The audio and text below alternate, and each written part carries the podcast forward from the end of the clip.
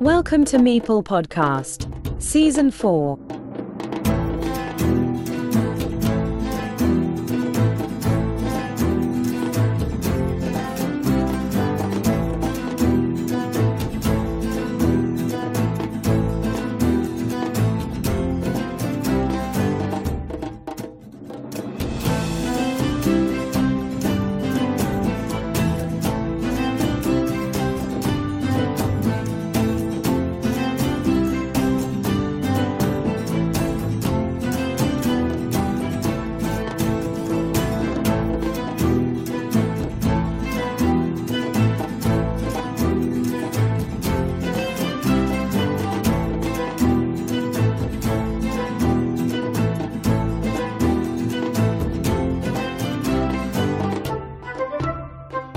One more time, welcome to Meeple Podcast.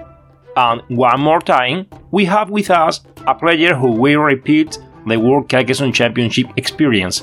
Andrejus Svabas, Liudeselis on BGA, we are pleased for having you on this Sound channel. Hello, and thanks for having me here. Recently, we have as our guest Harnek Jorgensen, the Norwegian champion of 2023. Like you, is going to Germany again to enjoy this meeting between the best Carcassonne players in the world. How did you leave the 2022 event in Essen and what do you expect from this edition in Herne? Well, event in Essen was first one for me, um, so quite a lot of new experiences.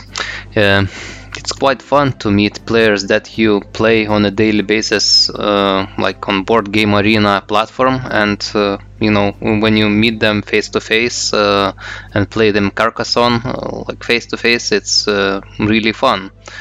Um, also, before uh, like being invited to the tournament, I didn't know anything that uh, you know such a big fair uh, in Essen is happening for the board games. So visiting that fair was quite a big experience for me as well. In 2022, you placed 17. You think you can improve your results and it your goal to reach the playoff round? Yeah, reaching playoffs would be a dream result to me, uh, because like seeing the list of players that will attend event in Herne this year, uh, it's like really how to say challenging, because at least four champions of previous events uh, are uh, participating and lots of BGA big names uh, like experts and master players are also on the list. So I think that I would be happy to uh, kind of reach the same uh, uh place like 17th uh, this year or improve a little bit. But overall, I think that uh, I'm expecting just to kind of have fun and to win at least one game. One of the inherent reasons for participating in a World Cup, apart from the tournament itself, is to meet other members of the community, around whom it is a lively interest to know those players from BGA we usually play with.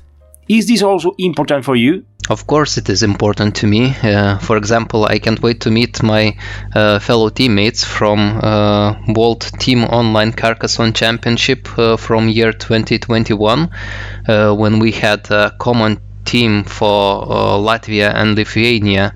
And uh, this year in Herne, I will uh, meet uh, two teammates from that year, Chris and Alexei from Latvia.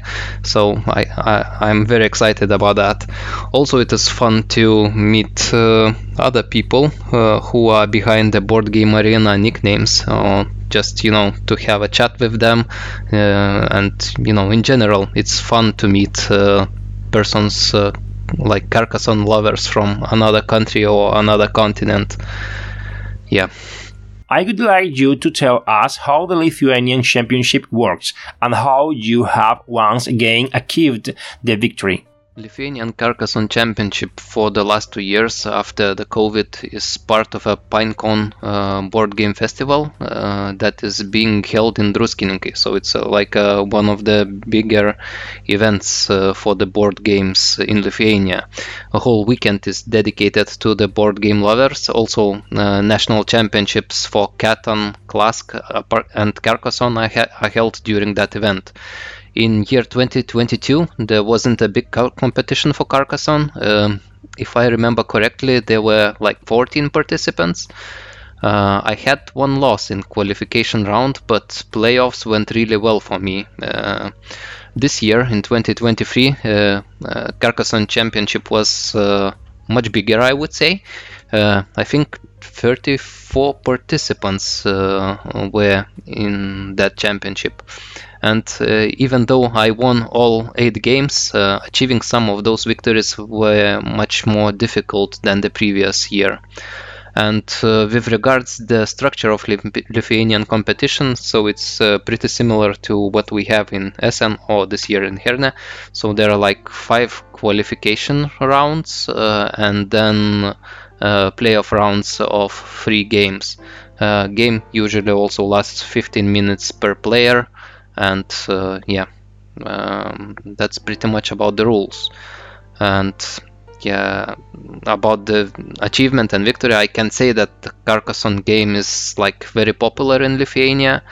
Uh, so in my opinion, like becoming a championship is not uh, something of significant for now. But I hope that competition like will grow and competitive Carcassonne popularity in my country will grow, and more and more people will find it exciting. And you know, like later on, that would be like a big achievement. You are already well known as a Carcassonne player in your country. Have you been interviewed yet for anyone? Um, no, not really. Uh, as I mentioned, Carcassonne game is not that uh, kind of popular in Lithuania. It's not being like followed uh, hugely. Uh, mm, we don't have uh, such things as podcasts, so it's not being like covered uh, in the newspapers. I promised you a short interview, and at least the community can listen to you and get to know something about the Lithuanian contestant. Thank you for accepting the invitation. I hope you have good luck in the tournament. Thank you for the invitation and good luck with running Meeple podcasts. To the podcast audience, see you in the next episode.